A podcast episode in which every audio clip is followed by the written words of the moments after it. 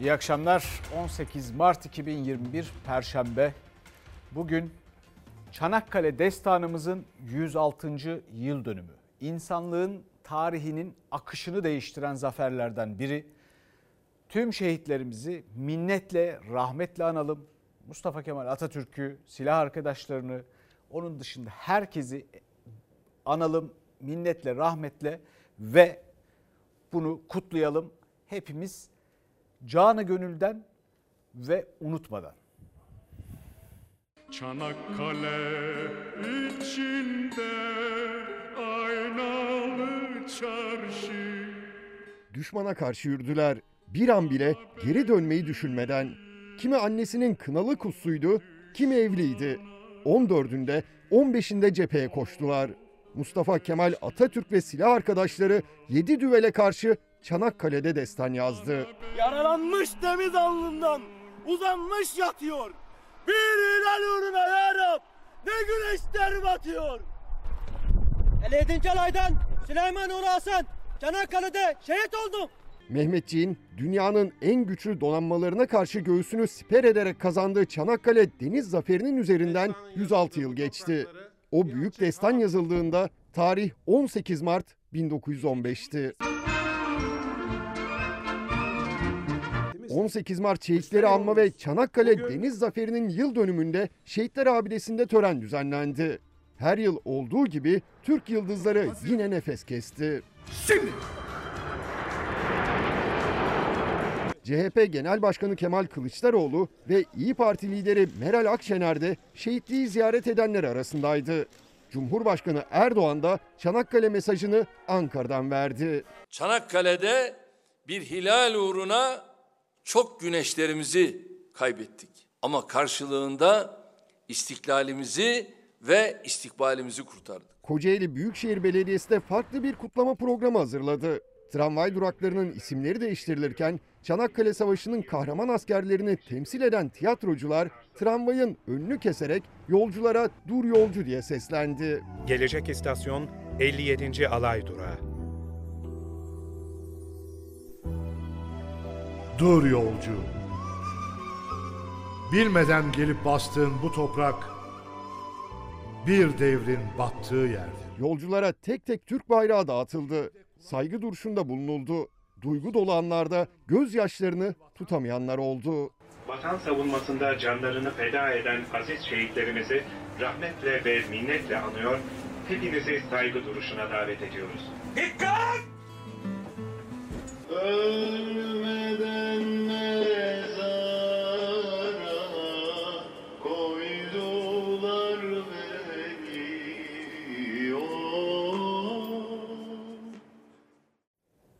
Efendim bugün etiketimiz ne olacak?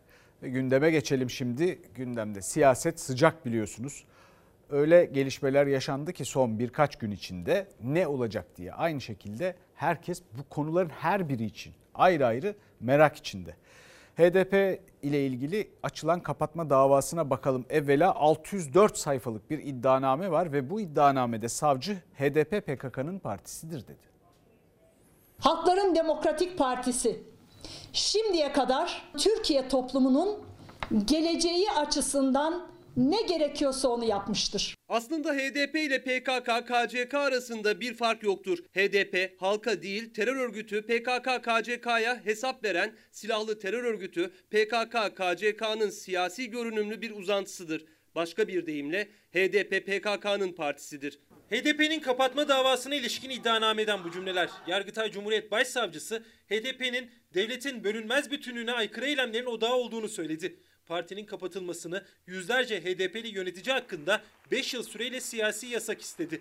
Hazine yardımının tamamen kesilmesini. Yargıtay Cumhuriyet Başsavcılığı anayasaya aykırı davranmıştır. Bu davayı sarayın iradesinin gereği olarak açmıştır. Hukukun gereği olarak değil. AKP MHP'ye kongre hediyesi verdi. Halkların Demokratik Partisi yönetici ve üyelerinin PKK terör örgütü ve bağlı örgütlerle birlikte hareket ettikleri, örgütün uzantısı olarak faaliyetlerde bulunarak devletin ülkesi ve milletiyle bölünmez bütünlüğünü bozmayı ve ortadan kaldırmayı amaçladıkları anlaşıldığından adı geçen siyasi partinin kapatılması Anayasa Mahkemesi'nden talep edilmiştir. Yargıtay Cumhuriyet Başsavcısı Bekir Şahin bu cümlelerle duyurdu kapatma davası açtığını. Kobani soruşturması kapsamında haklarında fezleke düzenlenen HDP'li milletvekillerinin de aralarında olduğu yüzlerce isimle ilgili Türkiye'nin dört bir yanındaki terör soruşturmalarını, davaları 604 sayfalık iddianamede tek tek yazdı. PKK itirafçılarının ifadelerini hatta çözüm sürecinde İmralı ile yapılan görüşmeler de parti kapatmaya delil olarak gösterildi. Kamuoyunda İmralı günlükleri olarak bilinen metine de bir göz atmakta fayda vardır. Açık kaynaklara yansıyan günlükte Selahattin Demirtaş, Pervin Buldan, Sırrı Süreyya Önder, İdris Baluken ve Altan Tan'la PKK-KCK silahlı terör örgütü liderinin zaman zaman yaptıkları görüşmelere ilişkin notlar yer almaktadır. İddianame ortalıkta dolaşıyor. Bize resmen tebliğ edilmedi henüz. Meclis konuşmalarımız gerekçe gösterilmiş. Oysa bunlar kapatma davası için kullanılamaz. Seçimlere terör örgütünün dikte ettiği adaylarla girdi. HDP, PKK'ya terör örgütü, PKK'lılara terörist diyemedi. HDP, TSK'nın operasyonlarını işgal girişimi gibi gösterdi. Türkiye'nin bütünlüğü için HDP'nin kapatılması zorunluluk. Sadece kapatma istemedi savcı. Aralarında tutuklu Selahattin Demirtaş, HDP eş genel başkanları Pervin Buldan ve Mithat Sancar'la Sezai Temelli'nin Sırrı Süreyya Önder'in de olduğu 687 HDP'li yönetici hakkında 5 yıl süreyle siyasi yasak talep etti. Hangi birini saysak bilemiyorum. Siyaset yasağı gerekçesi yapılan yargılamalar beraatle sonuçlanmış ama onları delil olarak koymuşlar. HDP kapatma davası sonrası olağanüstü toplandı. Eş genel başkanlar Mithat Sancar ve Pervin Buldan yaptı açıklamayı. Kapatma davasının hukuki değil siyasi olduğunu söylediler. Kapatma davası açmanın anlamı bu iktidar döneminin kapandığının itirafıdır.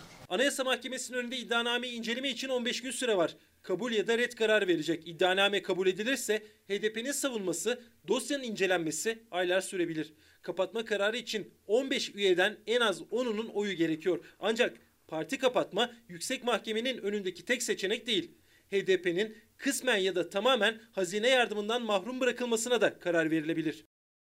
Şimdi hemen siyasetten kapatma davasına tepkilere bakalım.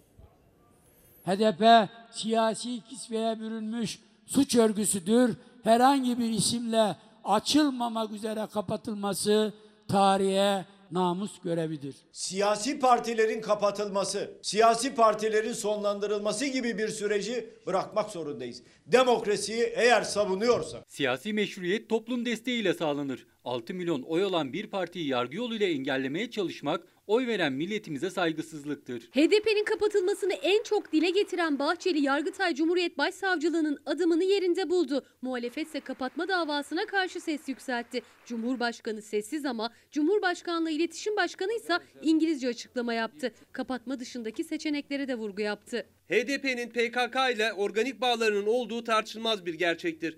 Bu ilişkinin HDP'nin kapatılmasını mı yoksa başka bir cezalandırıcı tedbire mi tabi tutulmasını mı gerektirdiği Anayasa Mahkemesi'nin tek başına yanıtlayabileceği bir sorudur.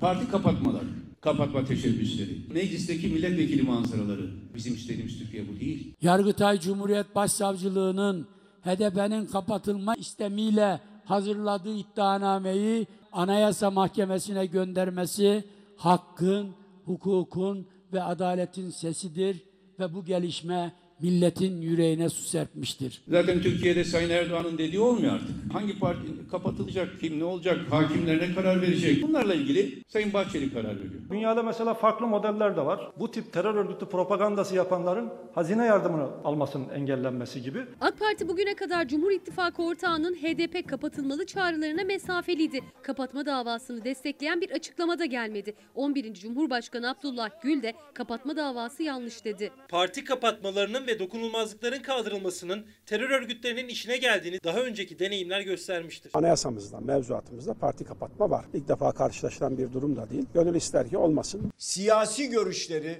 ekonomik görüşleri her siyasi parti kendisine göre yorumlar. Halkın desteğini alan siyasi parti yaşar, almayan siyasi partiler tarihin çöp sepetine atılırlar. HDP PKK'dır, cinayettir, bölücülüktür. HDP ile yasak ilişki zalimlere diz çökmektir. Devam eden hukuk süreciyle ilgili yorum yapmak hukuka müdahaledir. Tutarsız ve iç işlerine müdahaleye yeltenen çevreleri bağımsız mahkemelerce yürütülen yargı süreçlerine saygı duymaya davet ediyoruz. Türk Dışişleri Bakanlığı da Avrupa Birliği ve Amerika'dan gelen tepkilere ses yükseltti. ABD Dışişleri Sözcüsü'nün parti kapatma Türk seçmeninin iradesini haksız yere yok saymak, Türk demokrasisinin altına oymak ifadesine.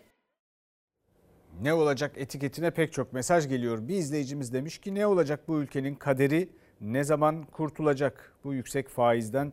Zaten piyasalar kilit ve böyle başka e, ne olacak sorusunun merak edildiğine dair benzer mesajlar var. Biz de şimdi siyasetten devam edelim. Hem HDP tarafından hem uzmanlar tarafından siyaset sahnesinde şu anda peki ne olacak sorusunun cevabını aradık. Sayın Cumhuriyet Başsavcısı çok iyi bir iddianame hazırlamış. Hazine yardımından kesme davası değil. Bu HDP, Halkların Demokratik Partisi'nin temelli kapatılması davası. HDP'nin işi zor. HDP yürüyüşüne kararlı bir şekilde devam edecek. Bizim demokratik siyasette yürümek için imkanlarımız çok. Yargıtay Cumhuriyet Başsavcılığı'nın HDP'nin kapatılması istemiyle açtığı dava sonrası yüksek mahkemede HDP kapatılsın karar verirse HDP'nin bundan sonraki yol haritası merak konusu.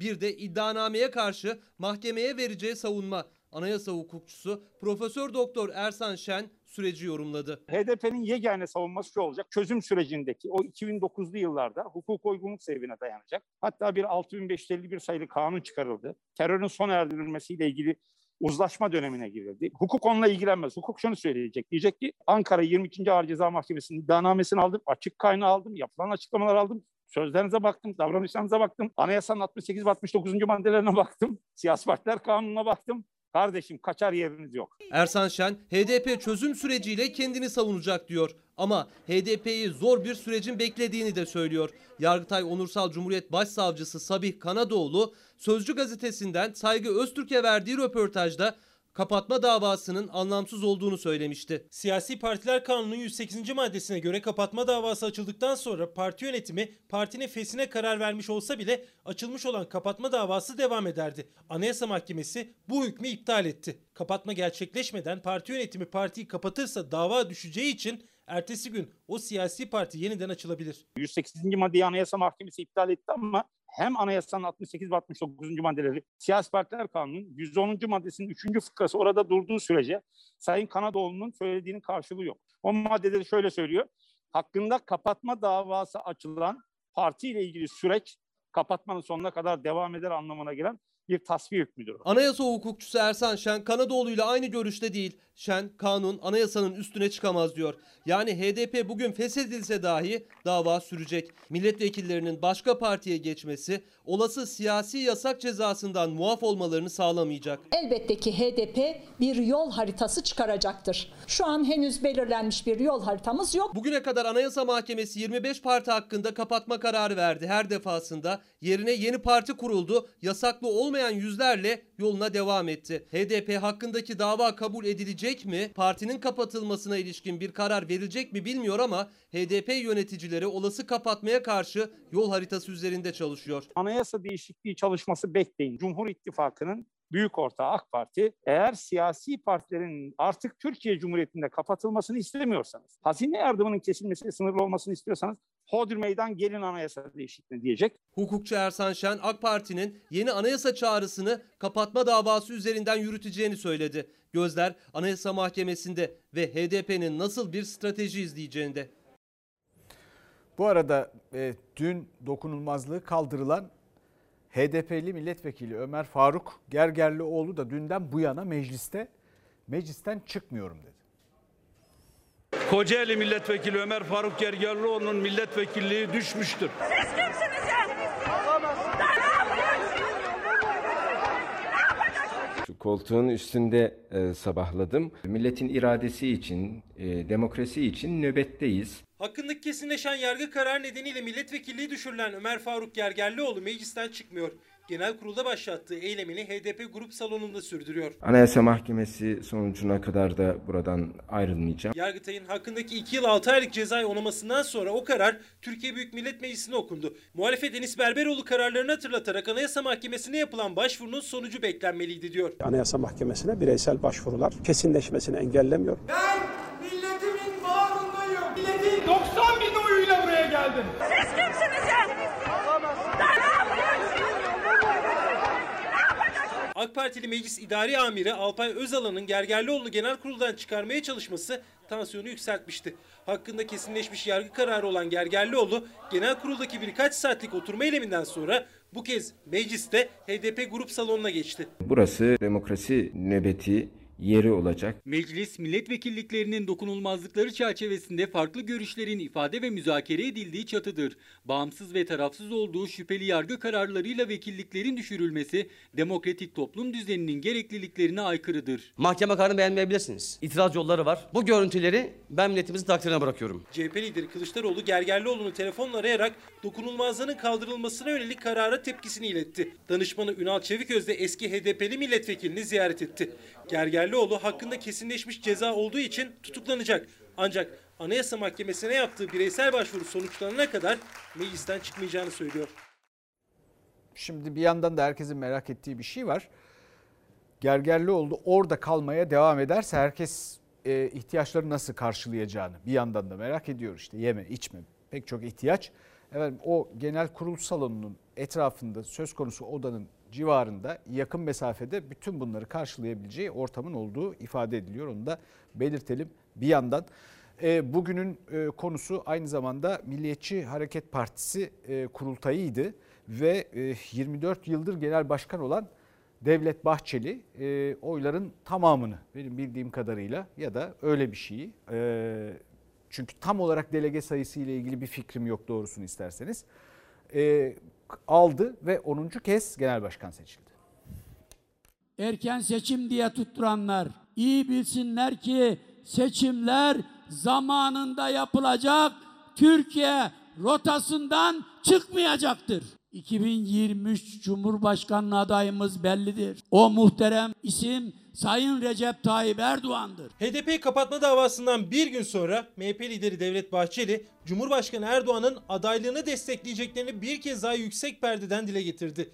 Cumhur İttifakı'na sıkı sıkıya bağlılık mesajı verdi. Tarihimiz bellidir. O da Cumhur İttifakı'dır. Cumhur İttifakı kader birlikteliğidir milli birlikteliktir. MHP 13. olan kongresini topladı. Devlet Bahçeli tek aday olarak girdiği kongrede 1277 delegenin oyuyla yeniden genel başkanlığa seçildi. Türk tipi başkanlık modeli taban tutmuş, eksik varsa giderilecek, güçlendirilmiş ve iyileştirilmiş parlamenter sistem teklifleri beyhudedir, eskiye kıvrılıştır.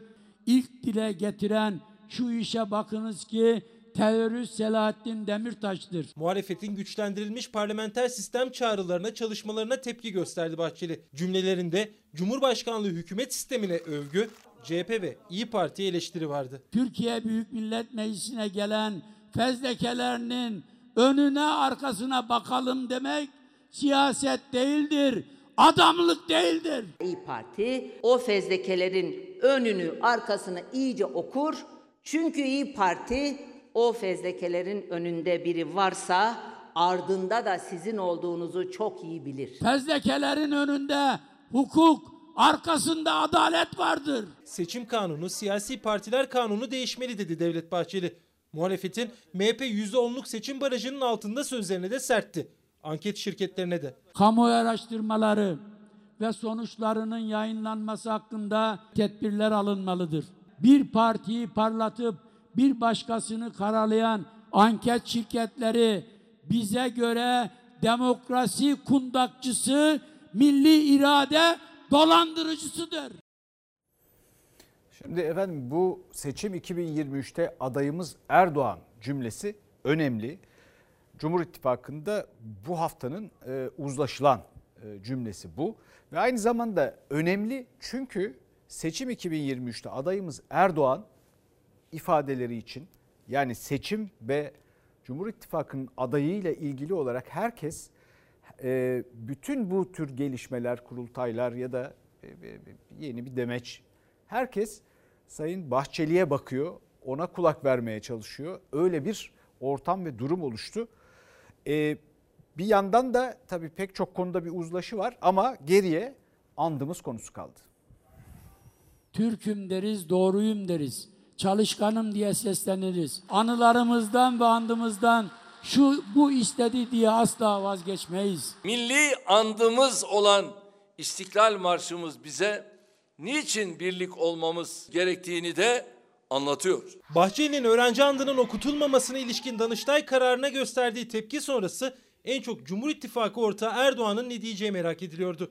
MHP lideri kurultayda andımızdan asla vazgeçmeyiz dedikten birkaç saat sonra Cumhurbaşkanı Erdoğan milli andımız İstiklal Marşı'dır ifadesini kullandı. Milli andımız olan İstiklal Marşımızdaki ruhu hep birlikte içselleştirmemiz, 7'den 70'e milletimizin tüm fertlerine aşılamamız bu bakımdan büyük önem taşıyor. Dönüp Devlet Bahçeli andımızın kaldırılmasını PKK'nın başındaki adam Abdullah Öcalan mı istemiştir senden diye Recep Tayyip Erdoğan'a sormalıdır. HDP'li bölücülerin fezlekelerinin TBMM'ye gönderilip milli dayanışma şuurunun çelikleştiği bu günlerde öğrenci andı kararı pimi çekilmiş bir bombadır. Danıştay'ın öğrenci adına okutulmamalı kararı sonrası Bahçeli bu karar pimi çekilmiş bombadır demişti. Cumhurbaşkanı Erdoğan ise milli andımız İstiklal Marşı çıkışı yaptı. Andın yasaklanmasına yönelik yönetmeliği hazırlayan Milli Eğitim Bakanlığı sessiz. Ziya Selçuk'a sorulmak istendi. Ancak ant tartışmasının gündeminde olmadığını söyledi. Sorunuz olabilir mi acaba? Bugün gündemimiz başka. Devlet Bahçeli bir karar vermeli. Varlığım Türk varlığına armağan olsun denilen andımızdan yana mı tavır koyacak yoksa kendisi ve MHP'nin varlığını AKP'ye mi armağan etmeye devam edecek? Ey CHP yönetimi sizin nereniz Türk ki andımıza sahip çıkacaksınız. MHP lideri yine andın kaldırılmasına yönelik adım atan iktidarı değil, okutulmalı diyen CHP'yi eleştirdi. 2013 yılında Erdoğan bölücü terör örgütüyle masaya oturdu mu? Oturdu. Onların şartı neydi? Andımızı kaldıracaksınız. Erdoğan'ın talimatı üzerine andımızı kaldırdılar. Sizin nereniz doğru ki andımızı söylemek size yakışacaktır. Andımızın okunmasını istiyorsan yapacağın çok basit bir şey var. Açarsın Erdoğan'a telefon. Bu and okunmadan kusura bakma biz bir daha bir araya gelemeyiz. Kılıçdaroğlu'na da tavsiyem aklı varsa kendine saklasın. Arayacağı varsa durmasın, arasın. Cesareti varsa, yüreği yetiyorsa bölücü dostlarına res çekip bağlarını koparsın. CHP Bahçeli'nin ant konusunda Cumhur İttifakı ortağına ses yükseltmesi gerektiğini söylüyor. Ama MHP lideri o çağrılara karşı öfkeli. Şimdi evvelsi gün e, pimi çekilmiş olan bu bomba bugün itibariyle Kılıçdaroğlu'nun başında patlamış gibi görünüyor. E, tabii bunu öngörebilmesi lazımdı. Yani e, bu konuda e, aynı görüşü sürekli dile getirmelerine rağmen yani andımızın geri gelmesini e, isteyen ve bu konuyu tartışmaya açan iki parti var. İyi Parti ve Cumhuriyet Halk Partisi. Ama bunu öngörmesi lazımdı. Şimdi evvelsi günkü o e, pimi çekilmiş bomba günden başka bir yere evrildi. E, 11 ayın çarşambası bir araya geldi. Tam da dün çarşamba. E, işte bugün kurultay, dün itibariyle Anayasa Mahkemesi'nin HDP'ye açtığı kapatma davası ki içinde iddianamenin 604 sayfalık iddianamede e, çok uzun yıllara dayanan bir takım e, suçlamalar var. E, vekilliğin düşürülmesi Gergerlioğlu e, olayı. Dolayısıyla e, buradan şimdi bir, bir başka e, evreye geçtik yine ve bir, bir biçimde bir sulh sağlanmış gibi görünüyor. Bir izleyicimiz de diyor ki ne olacak sorusunun yanıtı olarak hiçbir şey olmayacak. Hep e, bu bahsi geçen e, hep diye yazmış ama e, partiden bahsediyor, HDP'den bahsediyor. Kapanmayacak, andımız okunmayacak. Pandemi artacak, ekonomi kötü olduğundan hepsi gündem değiştirme olayı olarak kalacak diye bir izleyicimiz paylaşmış fikrini. Evet şimdi Türkiye şöyle bir ülke gazeteciler zaman zaman bunu söylerler. Ee, baş döndürücü bir gündemi var Türkiye'nin. Türkiye gazeteciler için bir cennet derler. Ben bu, bu fikre hiçbir zaman katılmadım. Ee, benim gördüğüm kanaatim şudur ki 300 yıldır Türkiye Yani soldan say, sağdan say 5 tane gündem maddesi, 5 tane konuyu tartışır durur. Bunları e, bir türlü de çözemez ama unutur. Sonra tekrar konuşur ve bir şekilde yaşar gideriz. Şimdi dünyaya geçelim. E, dünyada da ilginç şeyler oluyor. Amerika ile Amerika Birleşik Devletleri ile Rusya arasında valla kavgada söylenmeyecek sözler ediliyor. Dün Biden e, Putin'e katil dedi. E, Putin de Biden'a hem aynaya bak dedi hem de sağlıklar diledi. Bir, bir şey demek istedi. Yani zannediyorum işte onun sağlığıyla ilgili endişeleri var Putin'in de. Bakalım bu olay nereye gidecek? Bakın burada da bir şey söyleyeyim. Bu gerilim Ankara dün de bahsetmeye çalıştım. O da buradaki bu e, gerilim de bizim başımıza patlamasın ama. Biden'ın katil suçlamasına Putin'in yanıtı gecikmedi. Rus lider aynı sertlikte yanıt verdi. Başka insanları ya da başka bir ülkeyi, devleti değerlendirdiğimizde aynaya bakar gibi oluruz ve kendimizi görürüz. Amerika ile Rusya arasında soğuk savaş döneminde bile görülmemiş bir kriz patlak verdi.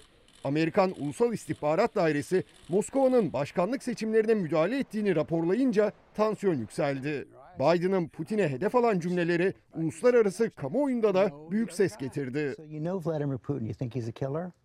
you I do. So what price must he pay? The price he's going to pay, well, you'll see shortly. Suçlama Moskova'yı ayağa kaldırdı. Rusya, Washington Büyükelçisini istişare için ülkesine çağırdı. Kremlin sözcüsü Peskov, Biden'ın ifadeleri çok kötü. İki ülke ilişkilerini rayına oturtmak istemediği ortada yorumunu yaptı. Kremlin'in tepkisi bununla da sınırlı kalmadı. Ne diyeceği merakla beklenen Rusya Devlet Başkanı Putin Biden'a yanıt verdi.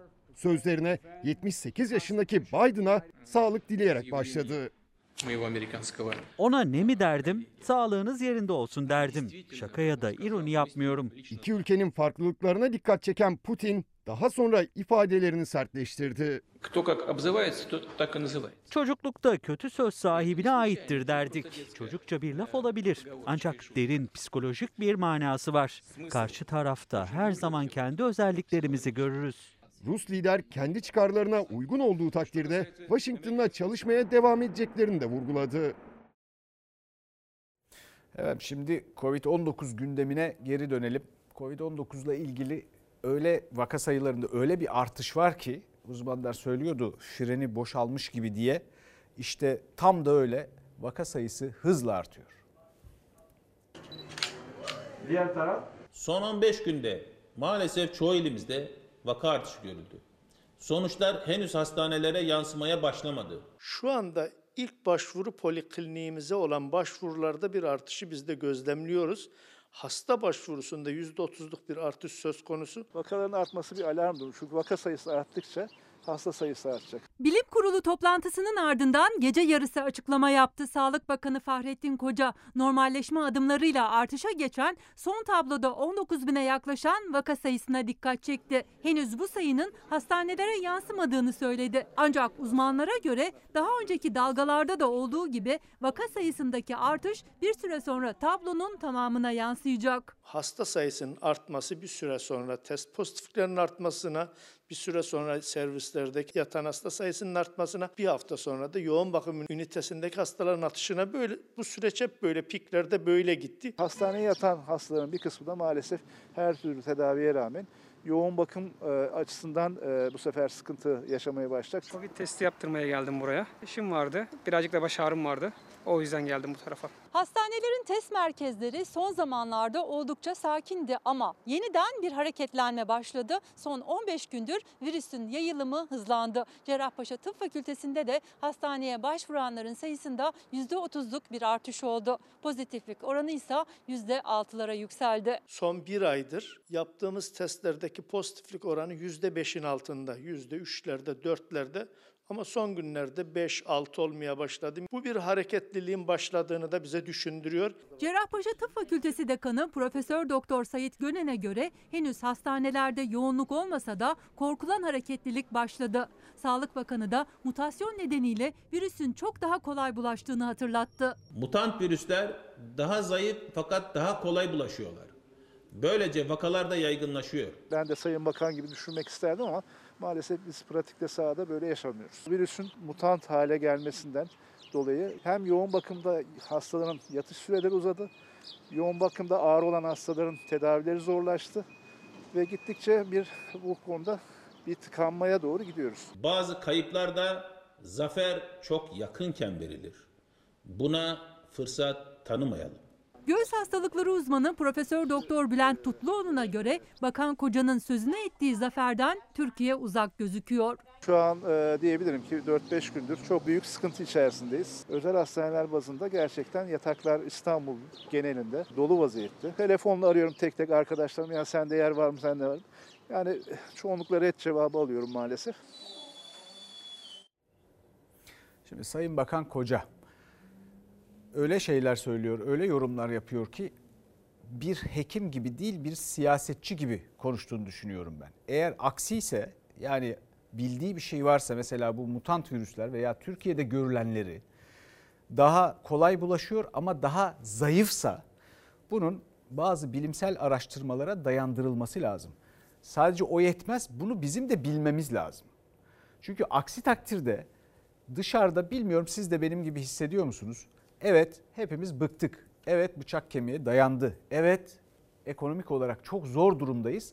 Fakat öyle bir hal var ki ipin ucu da kaçtı. Şimdi bu ipin ucunun kaçması durumu bizi hakikaten çok zora sokabilir. Hayati risk yaratabilir. Ekonomiyi daha da uzun süre e, daha zor durumlara sokabilir. O yüzden de özellikle bu türden virüs, bulaşıcı hastalık, Covid-19 gibi konularda siyasi davranışlardan kaçınmak lazım. Ama biz onu pek görmüyoruz. Bakın şimdi bu vaka sayısını görüyorsunuz. Orada bir takım rakamlarda insanı tam anlamadığı durumlar ortaya çıkmaya başladı yine. Hastanelere başvurularda artış başladı.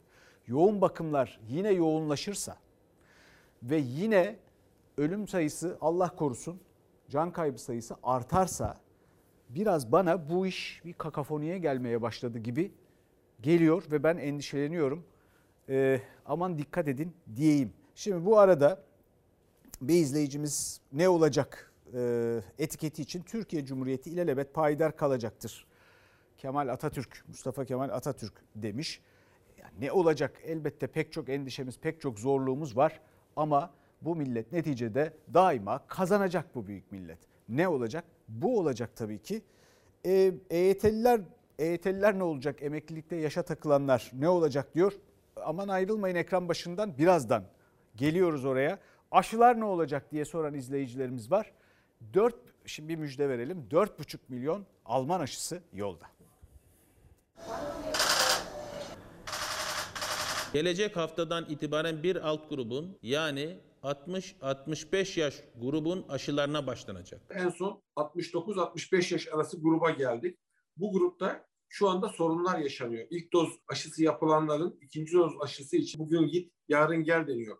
Bu insanların aşılaması bile sorumlu iken bir alt gruba geçilmesi gerçekten hani pek mümkün görülmüyor. Sadece bu bir oyalama gibi göründü bize. Aşılamada yeni haftada yeni gruba geçiliyor. Aslında ilk açıklanan listeye göre arada aşılanması gereken meslek grupları vardı. Ama 60-65 yaş arasıyla devam edilecek. İstanbul Tabip Odası'na göre elde yeterince aşı olmadığı için aşılamada geç kalınıyor. Günde 1 milyon doz aşı bile yapılabilir. Ancak şu anda yeterli aşı olmadığı için yapılamıyor. Bu çok açık. Biz bugüne kadar bu aşılama işlemini bitirmiş olurduk. 60-65 yaş arası 3,5 milyon kişi aşılanacak. Bu da 2 dozdan 7 milyon aşıya ihtiyaç olduğunu gösteriyor. İkinci doz olduk çıkıyoruz. Yaramaz bir şey yok. Kanımı yaptırdık. Ben iki gün önce oldu. 65 yaş ve üzerinin aşılanması devam ediyor. İkinci dozların tamamlanabilmesi için de daha milyonlarca aşı yapılması gerekiyor. Sağlık Bakanı Fahrettin Koca buna rağmen 60 yaş ve üzerinin de aşılanmaya başlayacağını açıkladı. Ama elde ne kadar aşı var, kaç kişiye yetecek veya yeni aşılar ne zaman gelecek bu henüz bilinmiyor. Yaş grubu azaldıkça gruplar büyüyor. Çünkü mesela 85-90 yaş arasındaki grupla 60-65 yaş arasındaki gruplar arasında milyonlarca kişilik fark var. Aşı oldunuz mu? Oldum, dün oldum. Tabii Çin'den gelen başka aşı olma imkanımız var mı? Hali hazırda kullandığımız aşıdan farklı bir aşı olan BioNTech aşısının testlerde kullanılacak olan ilk 5800 dozu ülkemize ulaştı. Uygulanmak üzere bu ay 4,5 milyon doz daha gelecek. Bu sırada aşının testleri tamamlanmış olacak. Bu aşı da aşı sırası gelenlere yapılacak. Sağlık Bakanı Fahrettin Koca daha önce Çin aşısı sırayla devlet tarafından yapılırken Alman aşısının isteyene ücret karşılığı yapılabileceğini söylemişti. Bu kez Mart sonuna kadar gelecek olan 4,5 milyon doz Alman aşısının sıraya göre uygulanacağını duyurdu. Ancak bu da sadece 2 milyon 250 bin kişiye yetebilecek. Elimizde yeterince Çin aşısı yok ama aşı temininde tabii ki farklı kaynakların değerlendirilmesi lazım. Aşı olalım da biz yaşlıyız. Hepsine eyvallah diyebiliyoruz. Öğrenciler, liseli kardeşlerimiz diyorlar ki bize ikinci sınavları önümüze koydular. Sınavlara girmeye başlıyoruz. Ne olacak? Liselerin ve lise sınavlarının hali diyor Milli Eğitim Bakanı'na buradan tekrar iletelim. Aynı zamanda bir izleyicimiz de demiş ki ya yolcu sınırlaması kalktı firmalar hala herkese iki yolcu parası alıyor. Orada indirim olmayacak mı? Ekonomiyle ilgili haberlere geleceğiz. Bizde öyledir. Ee, bir şey eğer yükselmişse fiyatı ondan sonra onu düşürmek epeyce mesele. Ee, buna tabii isyan eden çok. Buna e, canı sıkılan çok. Hayatta zor durumda kalan çok. Onlardan o gruplardan aramızda öyle insanlardan e, oluşan dernekler var artık ve kısaltmalarla anıyoruz biz birbirimizi. EYT'liler mesela öyle kimliğimiz böyle oluştu.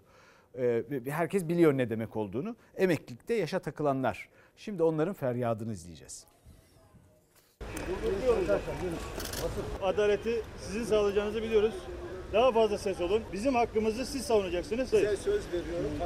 Yürümekse biz Tekirdağ'dan yürümeye başlayacağız. Tekirdağ ziyaretinde CHP lideri Kemal Kılıçdaroğlu'nu emeklilikte yaşa takılanlar karşıladı. EYT'liler Kılıçdaroğlu'ndan çözüm sözü istedi. Bir kez daha dertlerini anlattılar. Sayın Cumhurbaşkanımızın dertlememesine rağmen tebligatlar bize gelmeye devam ediyor. 30 yıl sigorta ödüyoruz. Hala sağlığa para vermek durumundayız. Özellikle ve özellikle emeklilikte yaşa takılanların peşinen hastalık, sağlık, malülük primlerini ödemiş emeklilikte yaşa takılanların e, çözümü anlamında genel sağlık sigortasının iptalini talep edenleriz. Biz bunların bedelini emeklilikte yaşa takılanlar olarak 25-30 yılla, 32 yılla peşinen ödedik. Bize maliyet unsuru yapıp da e, bu, bu algılarla bize gelinmesine de tahammülümüz yok açıkçası. EYT'lilerin Kılıçdaroğlu'ndan en net talebi sağlığa ücretsiz ulaşabilmekti. Emeklilikte yaşa takılanlar yıllarca sağlık primlerini ödedi ama emekli olabilmek için yaş sınırına ulaşmayı bekliyorlar. Bu süreçte de devletin sağlık hizmetlerine para ödemek zorundalar. Yaşa takıldın, yaşa takıldın. Ben bu kışı sırf her gün hastanede geçirdim. Acımamızı beklemiyoruz sizden. Emekliliğimizi istiyoruz. Emekliliğimizi. Ben bu vatana millete 26 yıldır hizmet etmişim. Emeğimin karşılığını istiyorum. Fethiye Ateş'te emekliliğini beklerken yapılan yasa değişikliğiyle emekliliği ötelenenlerden sağlık hizmetlerine para ödemek zorunda. Ben çalışmıyorum, çalışamıyorum. 2 yıldır işsizim. İşten de çıkarıldım. 2016'dan bu zamana kadar e, işsizim. E, defalarca iş kura başvurmama rağmen işte yaşımdan dolayı işe alınmadık. Gençler bile iş bulamazken EYT'lilerin bulabilmesi çok zor. Üstüne bir de işten çıkarma yasağı 17 Mayıs'ta sona eriyor. Emeklilikte Yaşa Takılanlar Derneği Başkanı Gönül Boran Özüpak'a göre EYT'lileri çok daha zor günler bekliyor. İşten çıkarma yasağının kalkacağı noktada ilk potada olanlar emeklilikte yaşa takılanlar olacaktır. Bıçak kemiğe dayanmış durumda. Bu mağduriyeti son EYT'li kalana kadar da bunu e, anlatacağız.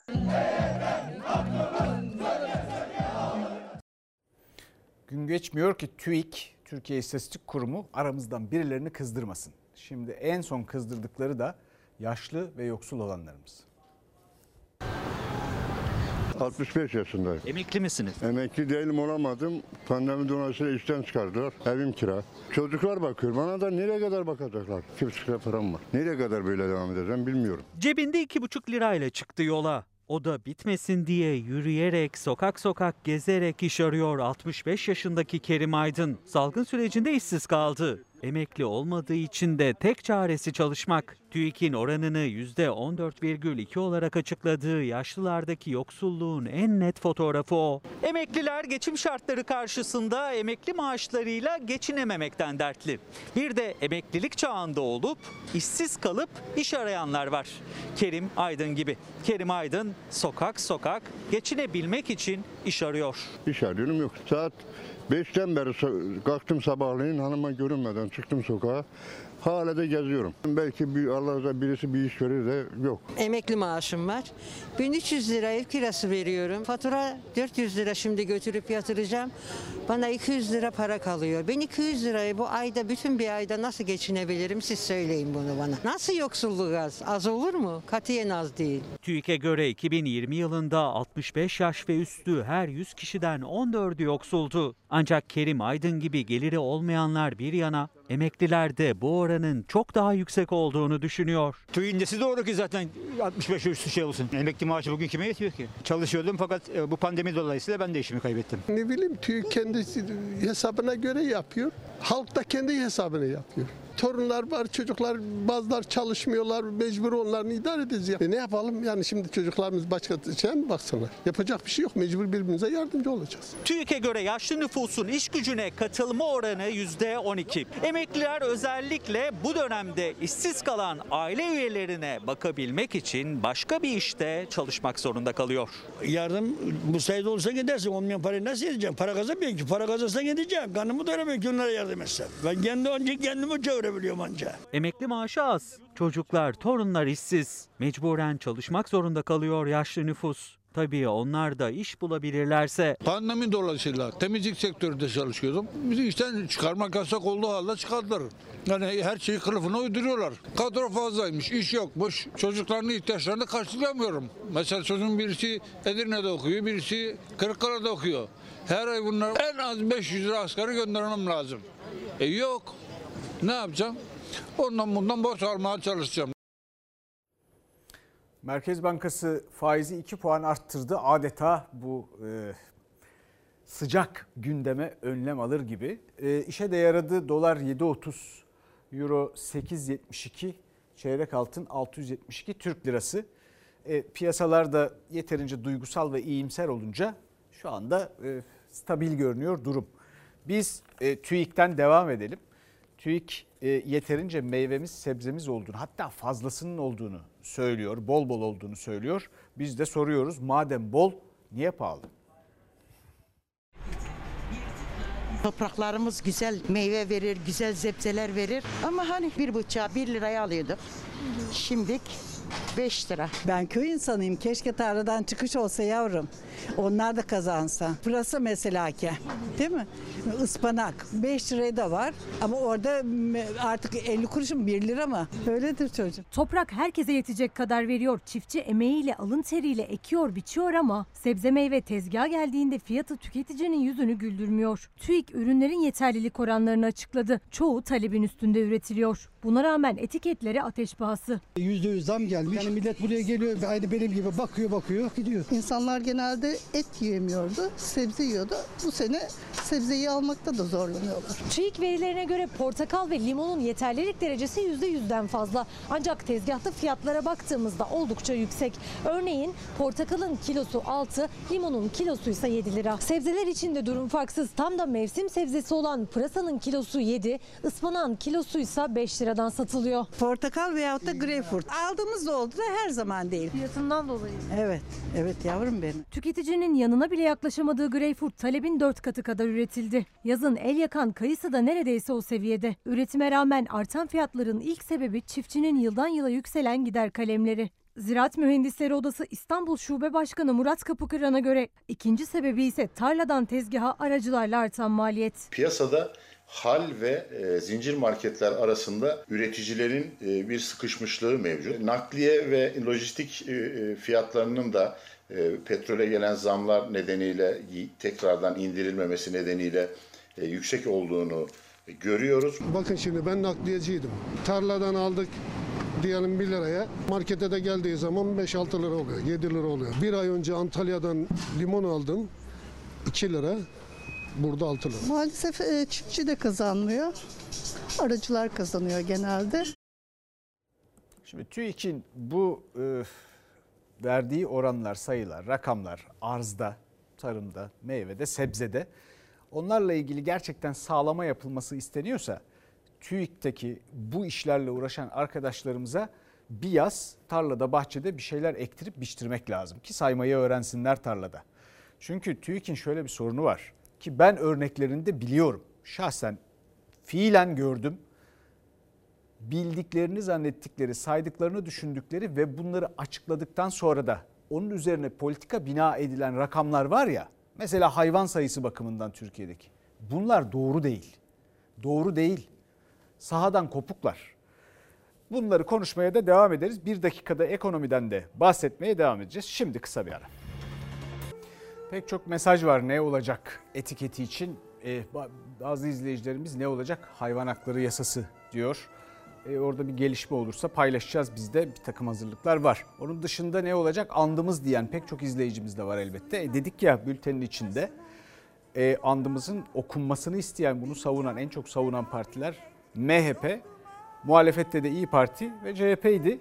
Ama bütün bu siyasi dinamiğin içinde CHP'ye kızıldı ve AK Parti bu konunun içinden, bu gündemin içinden çıktı gibi görünüyor. Bugün itibariyle bakalım önümüzdeki günlerde ne gelişmeler olur. Ekonomiyle ilgili de faizin artışı %19.